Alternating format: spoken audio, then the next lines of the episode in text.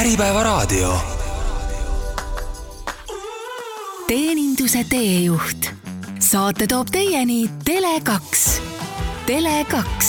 nii äge kogemus, et tekitab sõltuvust.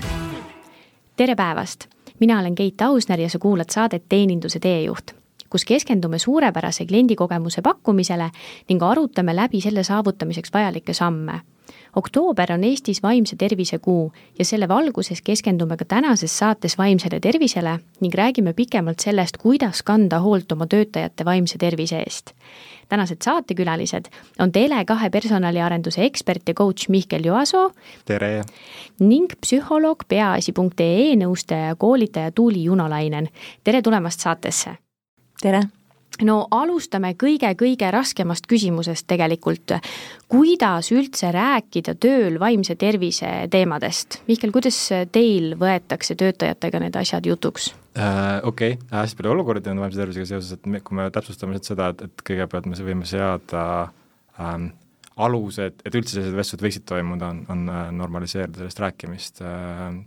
teha webinare sel teemal näiteks või mingeid koolitusi sel teemal, et lihtsalt inimesed teaksid, kuidas nimetada asju õigete sõnadega, sõnadega, mis on kasulikud, äh, kui mõned juhid või eeskujud toovad näiteid enda elust, on haavatavad, need, see seab sellise mõnusa keskkonna, kus inimesed julgevad rohkem jagada. mulle tundus selles küsimuses natuke peegeldumas selline, et kui kellelgi on nagu mure vaimse tervisega, et mida siis teha, et mm -hmm. noh, et siis äh, ähm, ütleme, sa ei saa kanguta tegelikult seda infot välja, aga noh, meil on, me saame palju sellest rääkida, mis üks-ühele vestluste roll siin on, mis on juhi roll, mis on võib-olla mingite sisemiste toetajate roll, mis on välisteenuste roll,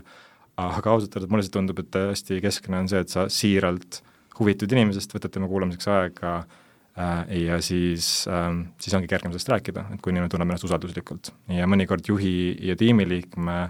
kontekstis see võtab aega, esimene üks-ühele vestlus ei pruugi olla päris nii avatud, et me tahamegi sellest rääkida, aga kui me oleme juba seda teinud mitu aastat näiteks, me oleme juba omavahel mingi suhte loonud, siis sellised asjad tulevad kergemini Tuli, mis sina sellest arvad? ma olen hästi nõus sellega, et see vaimse tervise teemadel rääkimine ei ole selline erakordne sündmus, mida siis äh, kuidagi äh, ennast kokkuvõttes teha, vaid pigem see võiks olla igapäevane vestlus räägime vaimsest tervisest iga päev. ja sellised esi, erinevad vormid, äh, kas või see, et kui me küsime üksteiselt, kuidas sul läheb, siis see ei ole selline sõnakõlks või jalutan minema peale seda küsimust, vaid ka olen valmis kuulama ja siin muidugi mõnikord juhid äh, või meeskonnaliikmed ka kurdavad, et noh, kus ma selle aja võtan, et kõikide muresid kuulata, aga aga see on pigem see valmisolek, et äh, et ma olen valmis kuulama siis, kui sul on pikemad teemad ja muidugi oma piiridena, et äh, mitte tundide viisi ei pea need vestlused kestma, vaid mõnikord võib-olla kümneminutiline tõeline kuulamine äh,, päris äh, terapeutiline jah, või siis vähemalt äh, vaimset tervist vägagi toetav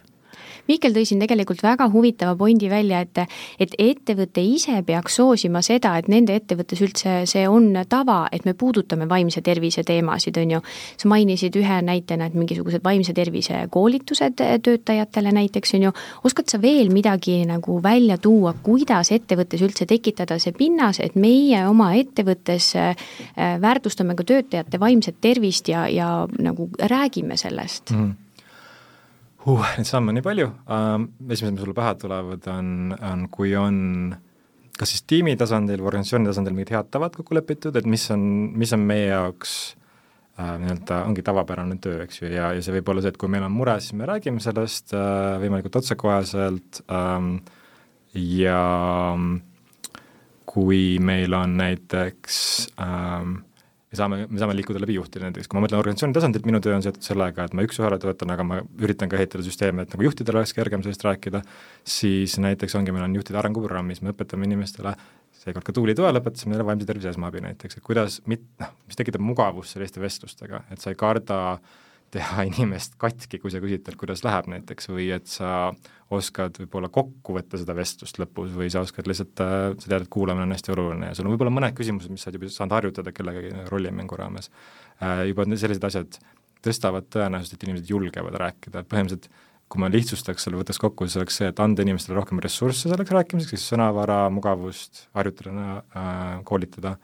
ja siis teine on see, et vist ei saa ikka üle ega ümber ka, et need inimesed, kes on nii-öelda võimupositsioonil, me ikkagi natukene kipume kart-, mingi hierarhia tunnetus ikkagi on, ükskõik kui flat see organisatsioon on, kuidagi nagu kui on piisavalt palju inimesi koos, et siis kui keegi ei näita eeskuju, keda inimesed austavad, siis, siis see on ka vist suht keeruline, seda võib rohe, rohujuure tasandilt ka alustada, aga ma olen näinud, et need eeskujud on nii olulised, et kuidagi üks inimene jagab, siis järsku on mingi uh, laviin, et ma tahan ka rääkida. Ja, ja see on tore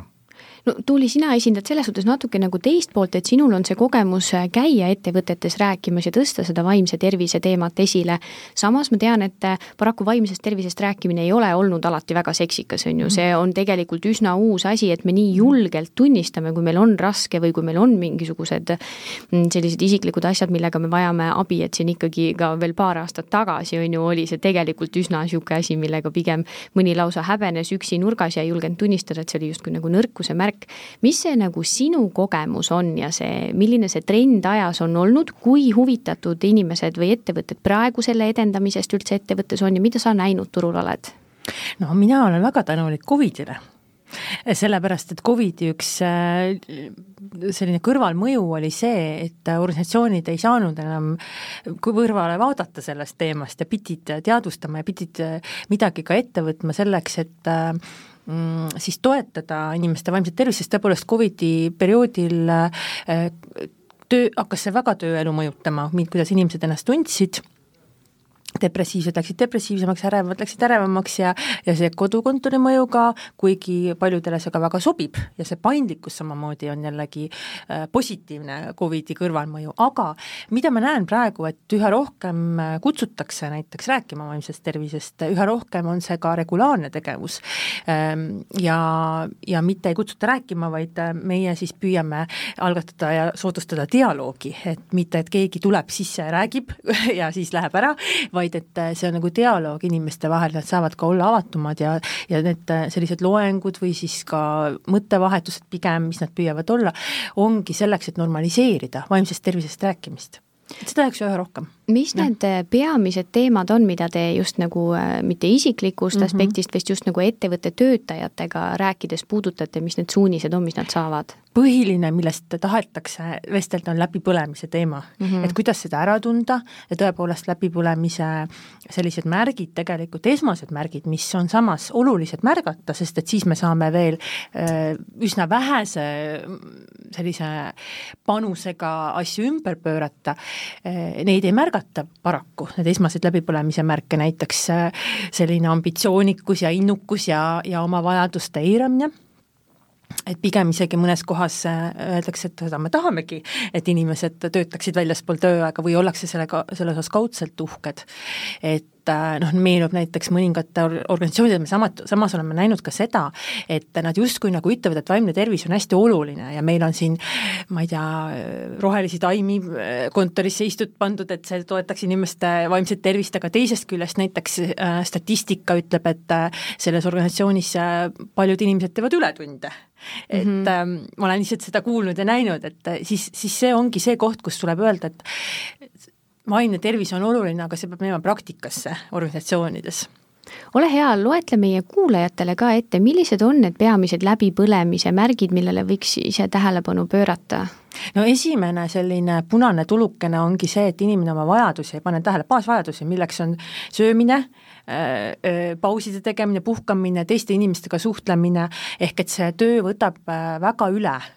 ja noh, siin on paraku ka see keskkonna mõju, et äh, millised on ootused inimesele, äh, sageli inimesed selles faasis veel ise ei teadvusta seda ja ütlevad, isegi õigustavad seda ületöötamist ja ütlevad, et see on ju parema tulemuse nimel või see on ajutine või see on selleks, et ma saaks ennast tõestada organisatsioonis, et sellised riskiolukorrad tegelikult ongi mm, edutamisolukord, uus positsioon, uus projekt, uus töökoht, kus inimene tahabki ennast tõestada, aga kui see väga pikalt kestab, see selline enesetõestamine ja sealjuures ka ülekoormus taustaks, siis ähm, ja väljaspool tööaega töötamine on üks suur faktor, siis paratamatult äh, varem või hiljem hakkab see allakäigutrepp ja tööle nii-öelda. ja, ja siis ka, kui juba ikkagi see töö enam ei paku äh, seda, mis ta enne pakkus, ehk see, see rõõmutunne, et ma ei saa, ma ei saa sealt nii palju tagasi, kui ma sellesse panustan, inimesel tekib selline dissonants enda jaoks. see on juba sisemiselt tunnetatav. ja mis on veel väliselt näha, on ka selline võib-olla ärritumine näiteks kergemini ja tüdimus ja tekib selline küünilisus töö osas ja inimene kurdab väsimust ja kurnatust, et see ei ole selline tavapärane väsimus, vaid vaid näiteks räägib, et äh, ma ei tea, reede õhtul äh, viskasin pikali ja, ja, ja pühapäeva õhtul või esmaspäeva hommikul ajasin ennast üles ja ikka olen väsinud, ikka ei taha tööle tulla. ja kuni sinnamaani, et siis töö tegelikult hakkabki juba vastikustunnet tekitama, et noh, siis on juba päris tõsine see seis.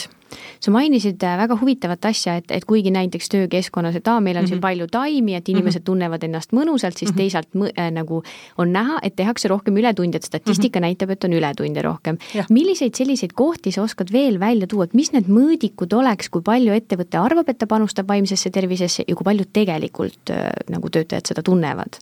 ja see lähebki selle töökultuuri ja väärtuse juurde, et milline on meie töökultuur, millised on meie põhimõtted. et näiteks kui juht räägib, et ei, ei, väljaspool tööaega ei tohiks töötada, aga saadab email'e inimestele väljaspool tööaega või näiteks oma puhkuse ajal saadab mingisuguseid sõnumeid, tööalaseid sõnumeid või, või märke, et siis see tegelikult ju toidab seda kultuuri, et kogu aeg peab olema online, kogu aeg peab olema olemas ja kuigi me räägime sellest sõnades ühtmoodi, siis praktika on teine. või näiteks, kui juhid käituvadki selliselt, et mul on ka selline juhtum olnud, kus siis üks minu klient ta rääkis, et kui ta hommikul avas oma mailbox'i, siis selgus, et töö jooksul oli to-, toimunud tuline vestlus ja diskussioon ja arutelu, kus teda oli ka siis kaasatud meili teel, äh, tema ülemuste äh, Äh, siis osalusel, mis saatis sõnumi, et noh, tegelikult sa oleks pidanud öösel olema üleval ja olema kursis ja, ja hommikul enne kella üheksat oli otsus tehtud. ja, ja jällegi tegemist oli organisatsiooniga, mis panustas inimeste vaimsesse tervisesse nii-öelda oma tegevustes ka, aga teisest küljest käitumine rääkis teist keelt see on väga huvitav asi, mida siin kõrva taha panna just, et see, et, et kui juht ütleb, et ei pea tegema ületunde ja et mhm. pau-, noh, et võtke ikkagi nagu päeva lõpus aeg maha, aga samas ise saadab neid meile, siis ta ju mhm. alateadlikult on ju, annab äh, oma tiimile sisendi, et tegelikult meie tiimis käivad asjad ja. nii, et ja. et kui laupäeval tuleb töömõte, siis tuleb see kirja panna. ja, ja, ja kui siit korra edasi arendada, siis me oleme näinud ka noh, et kui me võtame sellist paindlikku töötamist, mida Covid natuke rohkem tõi sisse ja seda, et inimesed, meil on näiteks mitmes ajavööndis on inimesed, eks ju,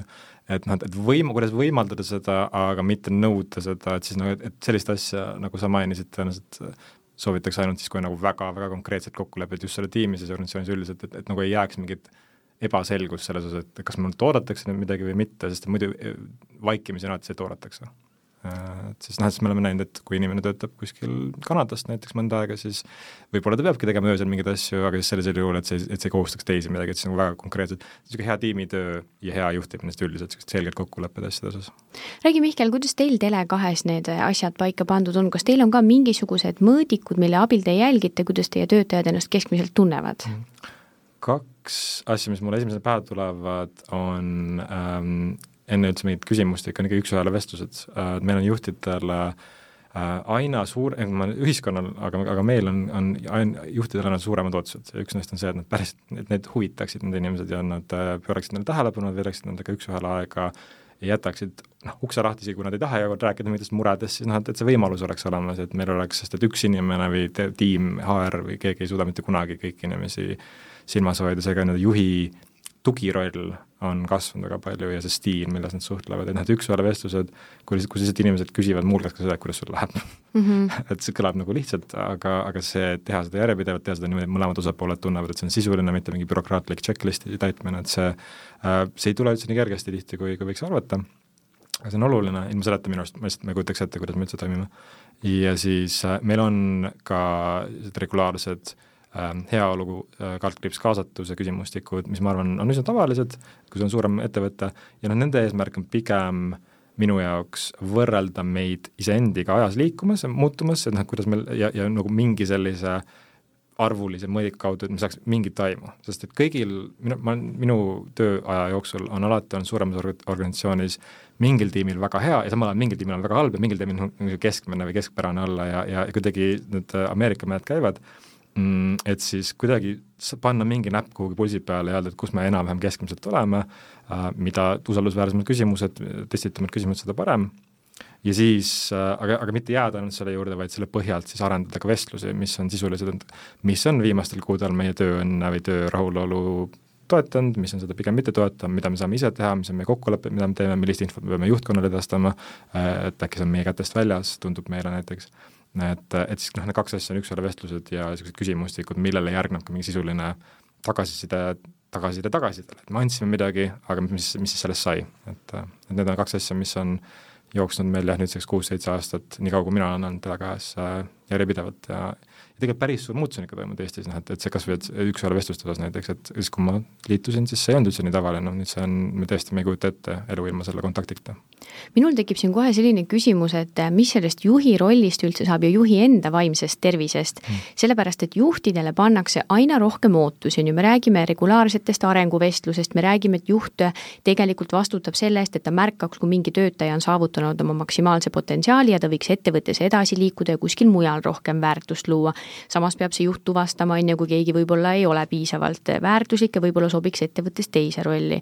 siis peab see juht tegelema, on ju, arenguplaanidega oma osakonnas, et see osakond ikkagi oleks õigustatud ja et see osakond kasvaks ja et see osakond oleks ettevõtte nagu eh, eesmärkidega, astuks sama sammu. ja nüüd me paneme nagu tegelikult juhile veel selle vastutuse ka, et see juht peaks vaatama oma töötajaid sellise pilguga, et kas nende vaimse tervisega on kõik hästi, on ju. ja me tegelikult ju sageli ei märka ise oma lähedastega, kellega me oleme iga, või no mitte iga päev, päev koos, aga kellega me suhtleme palju isiklikumal tasandil kui oma töötajatega ja me ei märka sageli, kui meie enda lähedasel on raske. nüüd nagu juht peaks tegelikult hakkama märkama seda nendel üks-ühele vestluste käigus, on ju, kas see töötajatel on hästi ja, ja samas me teame ju, et paljud töötajad ennast ülemusega ei ava, nagu sa ütlesid ka, see jõudude vahekord, on ju, et mm. tihtipeale see töötaja võib-olla ütlebki, oi jah, mul on kõik hästi, on ju, tegelikult eh, sisimas nagu eh, võib-olla on seal, karjub appi, on ju, et ma ei tea, Tuuli näiteks, mis sinu hinnang on, kas see üldse on realistlik, võimalik, et üks juht täidab nii palju erinevaid rolle, et kas juht peaks olema see, kes selle vaimse tervisega tegeleb?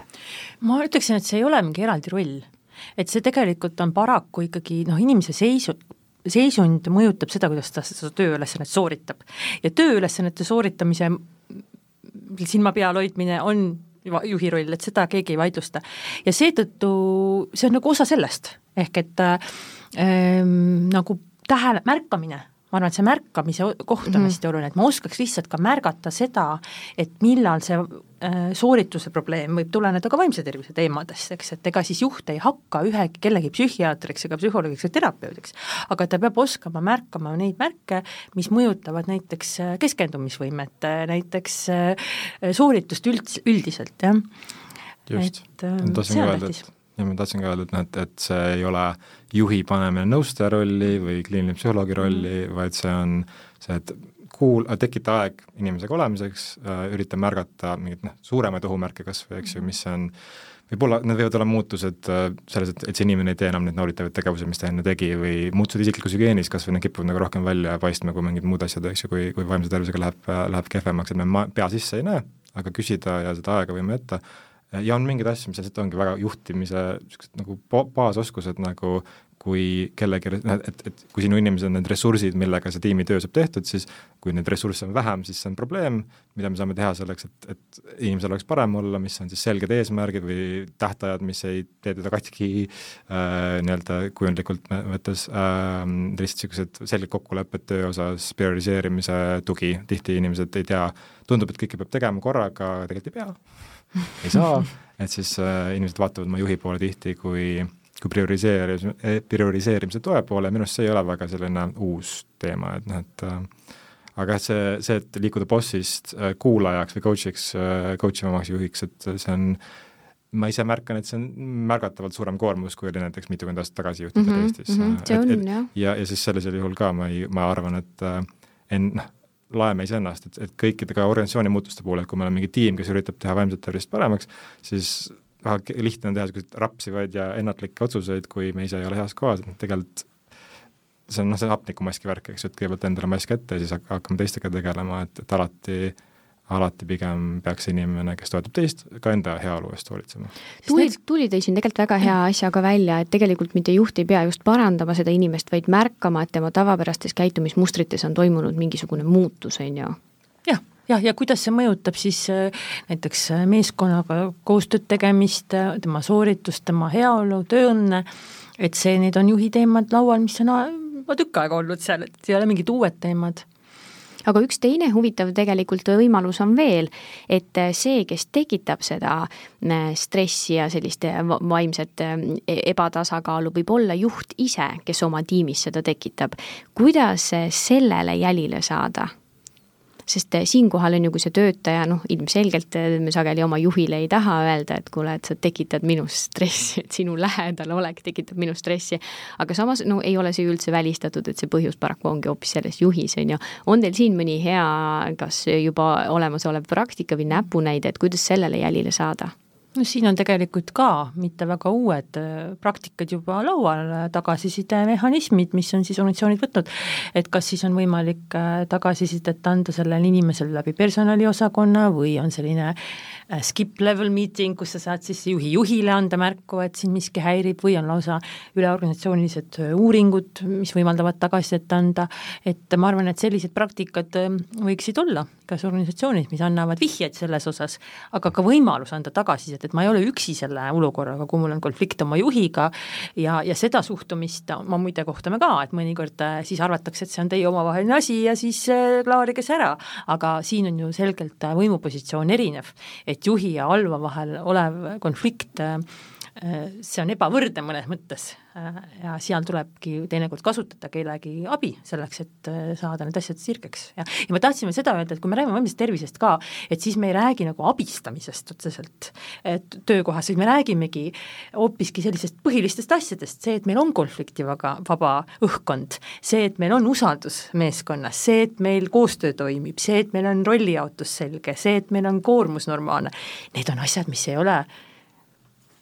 utopilised, eks, et või mingid mm -hmm. väga Just erakordsed, et need on vajalikud, aga need vägagi toetavad vaimset tervist ja võib-olla siin ongi natuke jäänud teinekord kõlama, et noh, me peame nagu terapeuti äh, palkama organisatsiooni ja siis me hoia, hoiame oma töötajate vaimset tervist, see on ka väga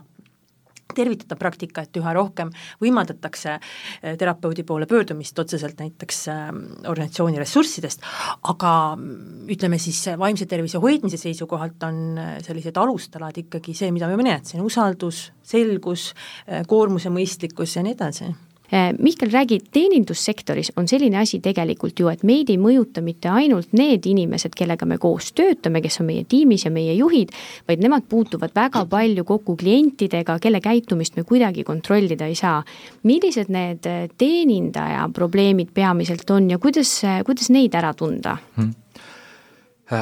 Mm, võib-olla ma natuke universalistlik siin, aga, aga et, et need suuremad probleemid ei ole väga palju erinevad äh, võrreldes ülejäänud populatsiooniga, et ma natukene ka olen enda töö raames siis vaadanud, et, et kas on mingid suured ohu, ohu, ohufaktorid äh, teenindustöös äh, ja on märgatud, et, et kui sul on hästi palju kliendisuhtlust, siis võrreldes töödega, kus sul ei ole seda nii palju, siis natuke läbipõlemist vist on rohkem, aga need on niisugused ennatlikud võib-olla järeldused veel. mis on nähtud, on see, et teenindussektoris keskmiselt on töökindlus ja palk madalam äh,, seega nendes rollides inimesed tunnevad ennast rohkem ärevalt ja, ja on ka depressiooni rohkem märgatud, aga see võib olla puhtalt, see ei pruugi olla rolliga seotud, vaid sellega, et, et seda mõjutavad teised faktorid. nii et, nüüd ma tahaksin öelda, et, et see, millest me räägime, on jällegi minu arust rakendatav väga paljudele teistele rollidele ka, aga mis on ilmselt väga selgesti nähtav ja mida meie nägime Covidiga seoses, oli see, et kui, kui ähm, elanikkond tunneb ennast ärevamalt ja vihasemalt äh,, siis äh, need, need solvangud, mis jõuavad meie kõnekeskusesse, mis jõuavad meie esinduste inimesteni, need ähm, see protsent inimesi, kes, kes väljendavad ennast emotsionaalselt äh, enam kui sõnadega, äh, kas siis ongi rusika viibutamisega või hääle tõstmise või karjumisega, see suurenes äh, mõneks ajaks vähemalt, et nüüd me nii suurt erinevust enam ei märka, aga kindlasti need inimesed saavad seda rohkem. sellisel juhul emotsiooni regulatsiooni nii-öelda tehnikad, nagu näiteks äh, ongi mingi hingamistehnika, mingi lõdvestustehnikad ja niisugused asjad, noh, et kui inimene tunneb, et tal on ressurssi, et sellega toime tulla, siis ta tunneb ennast mugavamalt selles olukorras, kui ta tunneb, et ta ei ole enne võib-olla seda pidanud tegema teadlikult nii palju, siis see on kindlasti mingi asi, mis võib äh, viia selleni, et noh, empaatilisemad meist lähevad koju nende tunnetega ja siis noh, mis, mis ma teen nendega, elan kellegi teise peale välja, et et seda, kliendisuhtlus on väsitav, selle vastu me kindlasti, keegi ei vaidle äh, vastu. äh, ja samal ajal, kui sul on need äh, ressursid ja need tehnikad olemas, siis see ei pea olema kuidagi iseenesest juba mingi, et, et selles rollis kindlasti on halvem olla. Tuuli, mis sa lisaksid siia nagu erinev, kas on mingi teeninduse erinevus, mis sina tahaksid välja tuua? Ma arvan, et need, mis sa juba tõid, on väga olulised, äh, aga mina jäingi mõtlema, et mis see juhi roll siin veel ka võib-olla ongi ka õigete inimeste siis leidmine sellele mm. sobivale kohale, et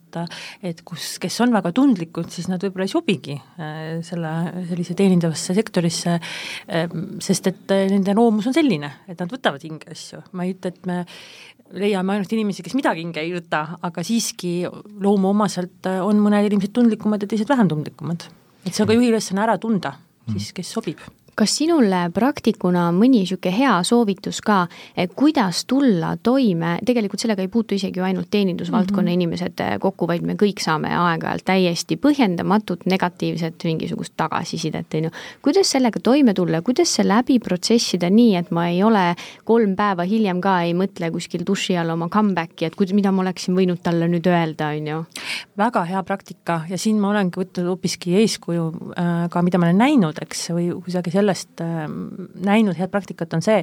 et äh, jagada seda oma meeskonnas, et see ongi normaalne, et me jagame, et see ei ole erakordne sündmus, et äh, siin oli ennem ka sellest stressitaseme hindamisest juttu, et ma tean meeskondi, kes igapäevaselt stand-up'il räägivadki igaüks, mis on minu päeva selline Äh, positiivne osa ja mis on olnud võib-olla mitte nii positiivne, mis on lausa olnud negatiivne, et see pidev selline omavaheline suhtlemine, sellepärast et meeskond saab siis ka toeks olla.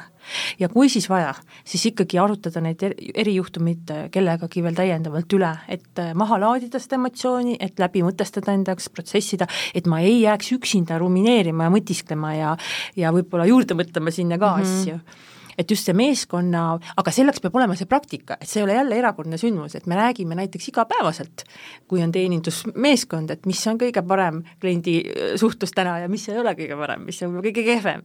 ja siis on ka juhil hea märgata, kus võib-olla peabki võtma eraldi ja rääkima selle inimesega, sest on näha, et ta on rohkem puudutatud sellest või, või häiritud lausa. mis sinu senine kogemus on, kas selline nagu negatiivse tagasiside jagamine meeskonnas pigem siis mõjub ikkagi positiivselt ja mahalaadivalt või võib sealt tekkida hoopis vastupidi, selline väike negatiivne lõngakera, mis hakkab veerema ja kasvama? Need juhtumid on head õppekohad mm, -hmm. kus siis mõelda, oleneb ju, kuidas seda käsitleda. et kui me käsitlekski seda, et mida me saame paremini teha, kas on midagi, mida me saame paremini teha ja mida siis ehk siis see on teistele ka võimalus õppida. ja ma ütlen ka seda, et mitte ainult negatiivseid kogemusi jagada, positiivseid mm -hmm. võiks ka jagada, juht võiks selle kohta eraldi küsida. paraku me praktili-,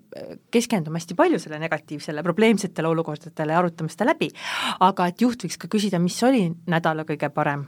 kliendisuhtlus, et tuua välja seda positiivset poolt ja seda ka tunnustada ja seda ka rohkem esile tuua inimeste jaoks, et see jääks kõlama rohkem kuidas teil Tele2-s praktika on, kas te teete midagi äh, säärast äh, teenindajatega, et arutate kuidagi läbi neid kogemusi või mängite neid kuidagi läbi? jaa äh,,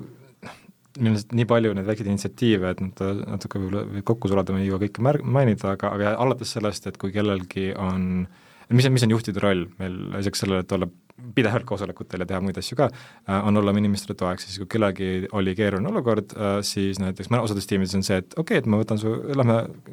ju, juht võtab mu kõrvale, me läheme kuulame selle korra üle äh,, tihti kuulates selgub, et see ei olnudki noh, nii hull, kui selles hetkes sees olles oli tunne äh, ja mis me saame sellest nagu õppida. et, et sellised asjad on lihtsalt igapäevase töö osa äh,. sama teevad ka tiimiliikmed omavahel, mentorid äh, oma juhendatavatele äh,, tiimi chat ides tihti tehakse sellist kiiret põrgatamist, ventileerimist, kui ei ole, kui ei ole muuks aega mm,. Mis minu arvates tahaks välja tuua, meil on mitmeid selliseid arenguprogramme äh, et selleks, et õpetada selliseid oskusi ja sõnavara ja praktikaid, mida sa räägid, selleks tihtipeale ühest või kahest kordadest ei piisa, et siis äh, noh, meil on ka mingid sellised initsiatiivid, kus me poole aasta jooksul töötame inimestega koos ja üks neist on teenindusliiga, äh, mille sihtgrupiks ongi just inimesed, kes on, kes on teenindavates rollides äh, rohkem. Ja seal näiteks on hästi suur roll eneseteadlikkusel, kas või kehateadlikkusel, ma suudan kirjeldada, kui, kui mul tekib reaktsioon kellegi teise nende sõnadest või karjumusest, et siis noh, et ma, et ma suudan seda panna sõnadesse, et see ei ole mingi selline ebamäärane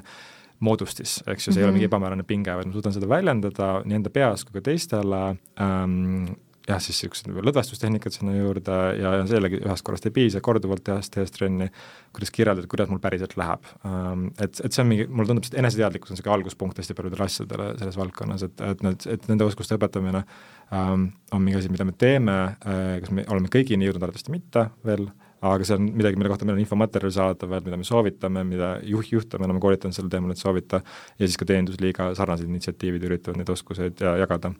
aga jah, on, on, on teisi lähenemisi ka, aga see oli midagi, mis mulle praegu pähe tuli sa mainisid väga huvitavat asja, kui, et kuidas kirjeldada, kuidas mul päriselt läheb, on ju, sest töötaja ka tihti ütleb hästi või oh, veidi raske on, on ju, et, et üsna pinnapealne, kas sul on kohe jagada mingi hea näpunäide mm. nendele kuulajatele, kes tahaks võib-olla oma ülemusega nüüd jagada, kuidas tal päriselt läheb, et kuidas seda sõnastada mm. niimoodi, et see võetakse vastu? mul on peas paar raamistikku ja tiimid on võtnud erinevaid raamistikke kasutusele, aga üks on äh, mida paljud kasutavad meil, on siis selline energiahalduse raamistik, ma räägin füüsilisest tervisest, emotsionaalsest äh, energia, äh, füüsilisest energiast, emotsionaalsest energiast ja siis paarist teisest asjast veel, näiteks äh, meie tiimis on niimoodi, et, et kui mul küsitakse, siis ma ütlen, et äh, uni, toit, liikumine, siis mingi hinnangu sellele lähtuvalt sellest, kuidas, kuidas mul, kuidas mul nagu on hea, et kümme mm -hmm. kümnest on minu jaoks nagu väga hea, ma tean, mis see enam-vähem välja näeb, üks, üks, üks kümnest on, ma tean ka, et kui väga kehv, milline see välja näeb. ma räägin sellest, ma räägin natuke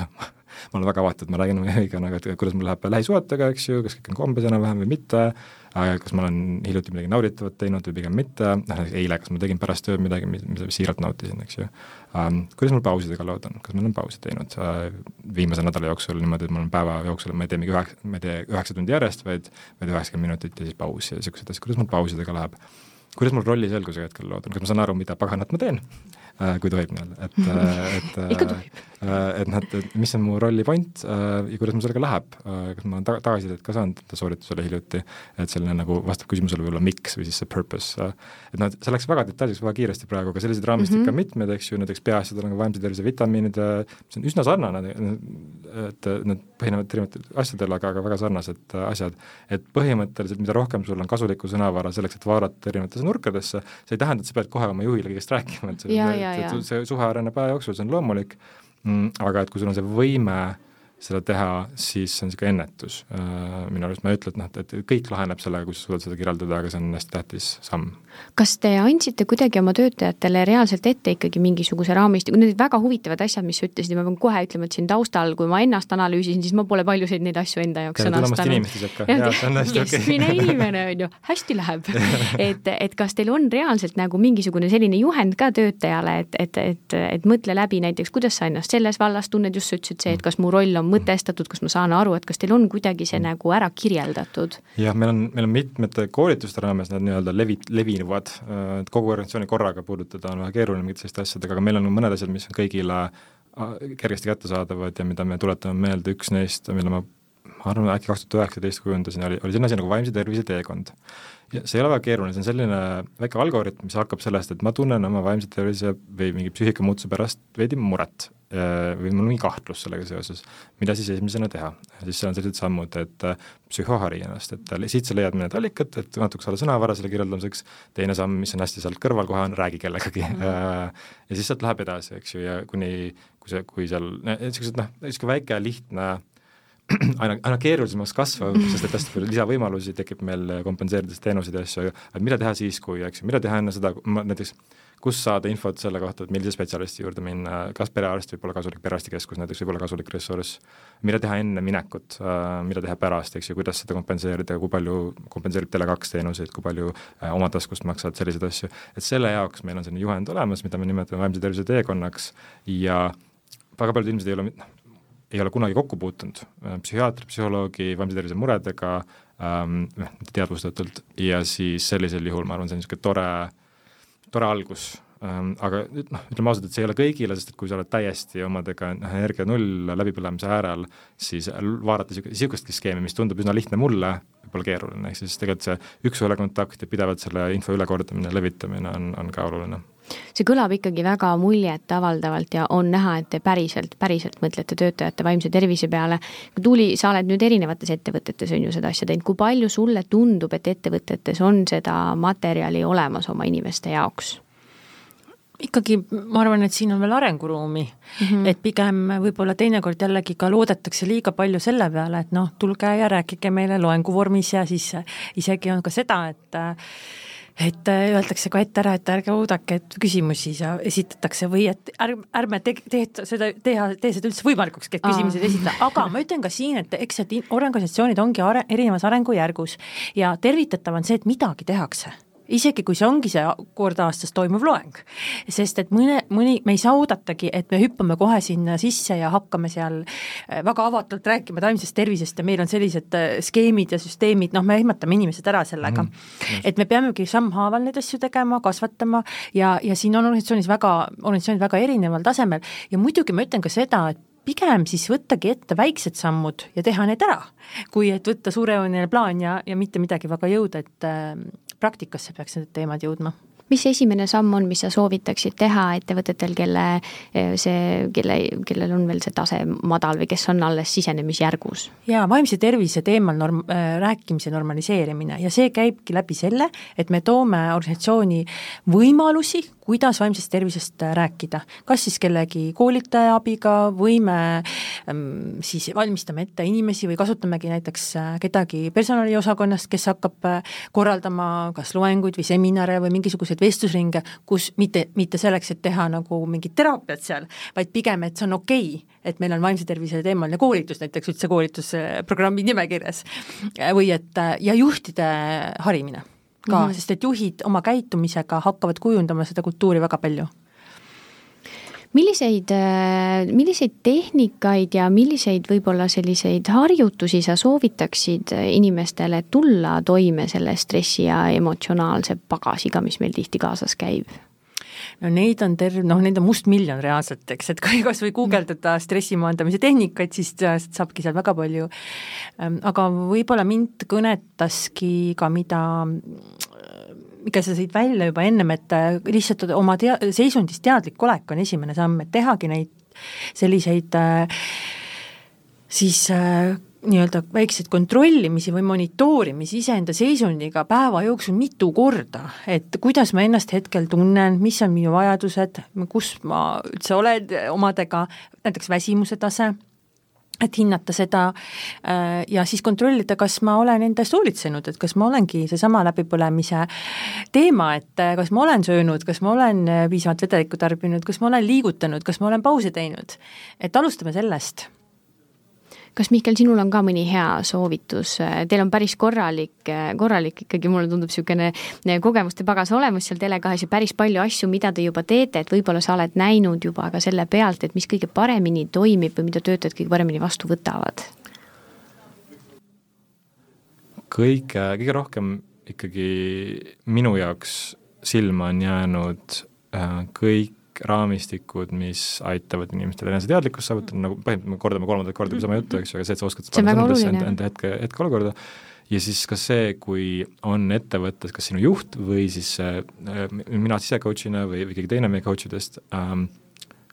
on sinu jaoks olemas ja oskab kuulata ilma, ilma sind hukka mõistmata, ilma sulle kohe nõu andmata, et noh, need on need asjad, mille kohta ma saan tagasisidet, et vau, ma ei ole seda nagu enne nii palju kogenud ja see on väga tore tunne ähm, ja see toetab. Et võib-olla need tulid mulle esimesena pähe ähm,. et, et tõesti need jah, need tehnikad ja nippe on palju, see mindset seal all vist on see, et Äh, või noh, mõned niisugused hoiakud seal all on see, et äh, vaimne tervis on normaalne asi, millest rääkida, see käib meil kõigil, Ameerika mägedel üles-alla, iga nädal on erinev, igat päev on natuke erinev, me üritame olla nagu keskmiselt heas kohas, eks ju, ja kui me oleme keskmiselt halvas kohas, siis sellega saab tegeleda, me saame sellega tegeleda äh, koos ja et inimeste kuidagi heaolu on ka osa sellest võrrandist, et, et me, et me teeme siin koostööd, eks ju, ja me üritame teenida kasumit ilmselgelt, muidu meil varsti enam elekter ei põle ja me ei saa siin toredalt rääkida, ja siis teadvustades, et inimeste heaolu on ka osa sellest võrrandist, et kuidagi need, need mindset'id käivad seal all kuidagi pidevalt äh, lisaks tehnikatele, jah.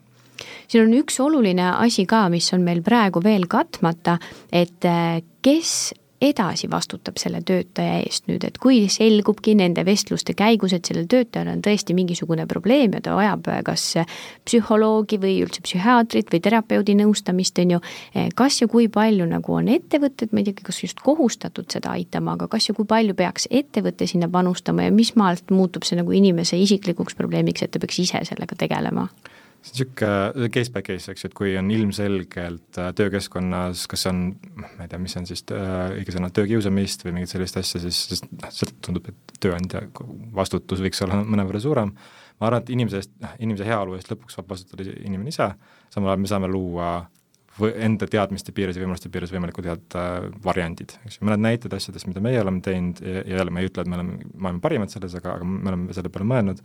on see, et ähm, noh, et selleks, et tulekahju kustutada, kui on juba häda, siis me kompenseerime teatud teenuseid, eks ju, et äh, kas siis äh, virtuaalselt läbi Minudoki või siis otse kliinikutega on meil kokkulepped, et siis teatud hulk kohtumisi on aastas Tele2 kulul, need ei ole viiskümmend, need on pigem sinna alla kümne ja siis sealt edasi on siis selle inimese enda, enda vastutus ja, ja enda see rahakott seal mängus mm, sisecoach'ide teenused, kes aitavad, kes on ka, oskavad anda vaimse tervise esmaabi äh, ja aidata võib-olla esmased mõtted panna ritta, eks ju, et see on mingi teenus, mis meil on olemas, mida igaüks saab, saab tarvitada äh,, kui ta tahab, broneerib aja ja, ja, ja, ja räägime ja siis võimaluse suuname, vajaduse suuname edasi.